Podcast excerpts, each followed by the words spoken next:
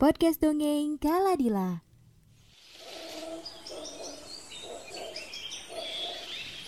Di dalam hutan ada seekor ibu ayam hutan betina dengan tiga anaknya.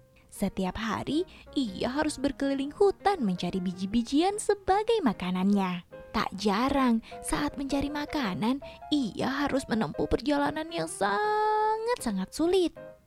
Contohnya seperti hari ini. Ia harus menyeberangi sungai yang airnya sangat-sangat deras. Ibu ayam hutan tahu kalau kakinya yang kecil tidak akan mampu menahan arus sungai jika harus menyeberang sendirian. Dan akhirnya ibu ayam pun berpikir bagaimana ya caranya dia agar bisa untuk dapat menyeberang tanpa hanyut oleh air.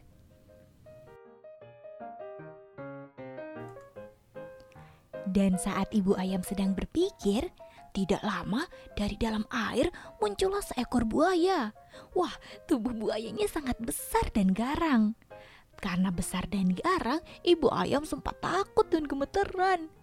Tapi teman-teman, demi mencari makanan untuk anak-anaknya, ibu ayam pun memberanikan diri untuk menyapa sang buaya. Buaya yang gagah, aku punya sebuah teka-teki. Jika kau sanggup menjawab teka-tekiku, maka kau boleh memakan aku. Tapi jika kau tidak bisa menjawab, maka antarkanlah aku ke seberang sana ya. Ungkap ibu ayam memberanikan diri memulai pembicaraan.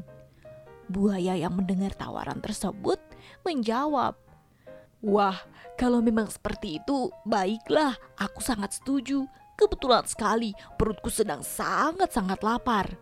Ucap sang buaya. Tak lama ibu ayam pun memberikan teka-tekinya. Ah, buaya, apakah kau tahu berapa jumlah gigimu? Tanya ibu ayam hutan. Buaya yang mendengar pertanyaan itu tercengang. Bagi buaya, pertanyaan ayam itu sangat sulit. Dia tidak tahu karena dia selama ini tidak pernah menghitung giginya. Juga buat apa pikir buaya untuk menghitung gigi sendiri?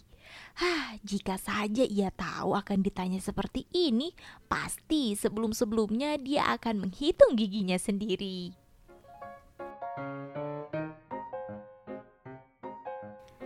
Tapi kini buaya tidak mungkin menghitung saat ibu ayam telah menanyakan itu. Karena kalau buaya melakukannya berarti buaya akan curang teman-teman. Buaya pun berpikir cukup lama.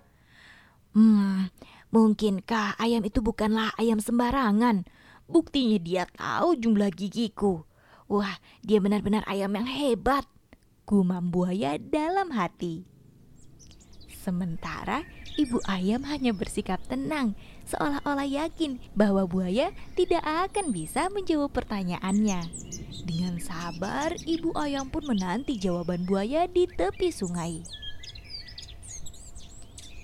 Semakin lama, buaya pun terlihat semakin uring-uringan. Ibu ayam pun hanya tertawa kecil melihat hal itu.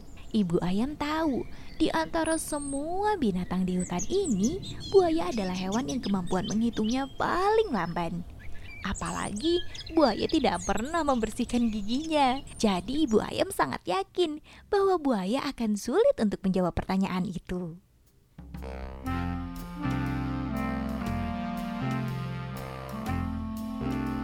Baiklah ibu ayam, aku menyerah saja, ujar buaya dengan wajah lesu. Ia pun mau tidak mau mengantarkan ibu ayam menyeberangi sungai.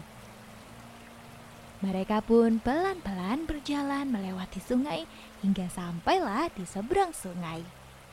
Setelah sampai, buaya dengan penasaran pun bertanya kepada ibu ayam. Jadi sebenarnya berapa jumlah gigiku? Tanyanya kepada ibu ayam. Ibu ayam yang mendengar pertanyaan tersebut hanya bisa tertawa kecil. Kemudian ia menjawab, Sebenarnya aku juga tidak tahu karena aku belum pernah menghitungnya. Tapi terima kasih ya buaya karena telah memberikan tumpanganku untuk menyeberang. Sampai bertemu lagi. Aku harus cepat-cepat mencari makanan untuk anak-anakku. Jawab ibu ayam sambil berlari. Hal ini tentu membuat buaya kesal karena ia merasa terperdaya karena kebodohannya sendiri.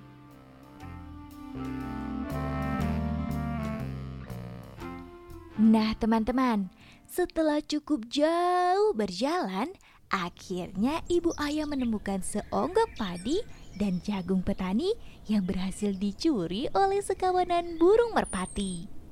Ibu ayam pun kemudian berpikir sejenak, "Wah, jika dia harus mencuri padi dan mengambil jagung sendirian, pasti dia tidak akan sanggup untuk mengumpulkannya." Teman-teman masih ingat kan, kaki ibu ayam itu sangat pendek. Jadi dia tidak akan bisa untuk bertengger di dahan jagung yang sangat tinggi. Juga ibu ayam tidak bisa terbang. Jadi dia juga tidak akan mungkin untuk mengambil bulir padi yang sangat kecil. Jadi, bagaimana ya caraku untuk mendapatkan makanan untuk anak-anakku? Aduh, aku sangat bingung. Ungkap ibu ayam berpikir bagaimana caranya agar sekawanan burung merpati mau berbagi makanan dengan dirinya.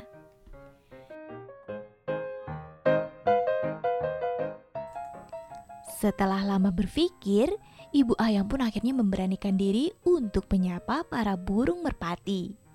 Hai burung merpati, apakah kau tahu berapa jumlah padi dan jagung yang telah kalian kumpulkan? Tanya ayam hutan kepada mereka.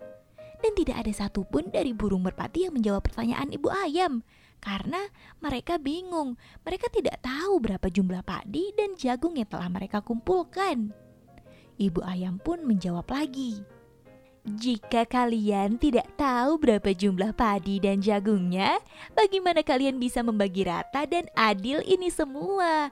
Pasti nanti dari kalian akan berebutan, ungkap ibu ayam. Semua burung pun tampak makin kebingungan.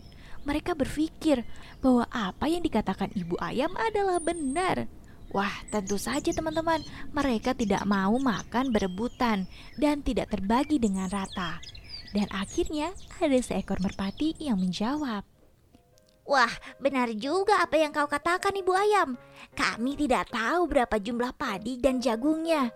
Tentu kami juga tidak tahu bagaimana cara membaginya secara rata. Apakah kau tahu caranya?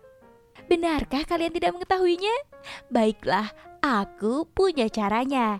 Jika kalian tidak tahu jumlah semua padi dan jagung ini, aku akan membagikannya untuk kalian dengan adil dan rata. Tapi aku punya satu persyaratan. Jika aku sudah membaginya dengan adil dan rata, kalian juga harus memberikannya kepadaku untuk anak-anakku. Sekawan burung merpati yang tidak bisa menghitung pun tampak setuju. Mereka lalu memberikan ayam kesempatan untuk menghitung jumlah padi dan jagung serta membaginya sama rata. Tanpa pikir panjang, ibu ayam pun langsung merapikan jagung dan padi yang semula berserakan dengan kakinya yang bercakar. Ia pun mematuk dengan cepat beberapa jagung. Setelah merasa mulutnya penuh, ia menyisihkan padi dan jagung itu. Ini dilakukan terus dan terus hingga semua terkumpul. Padi dan jagung yang membuat sekawan burung merpati menjadi senang karena mendapatkan bagian yang sama rata.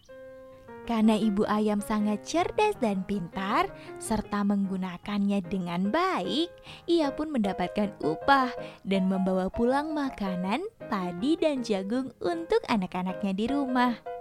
Ibu ayam pun bangga kepada dirinya karena ia dapat menggunakan kepintarannya untuk mencari makanan untuk anak-anaknya.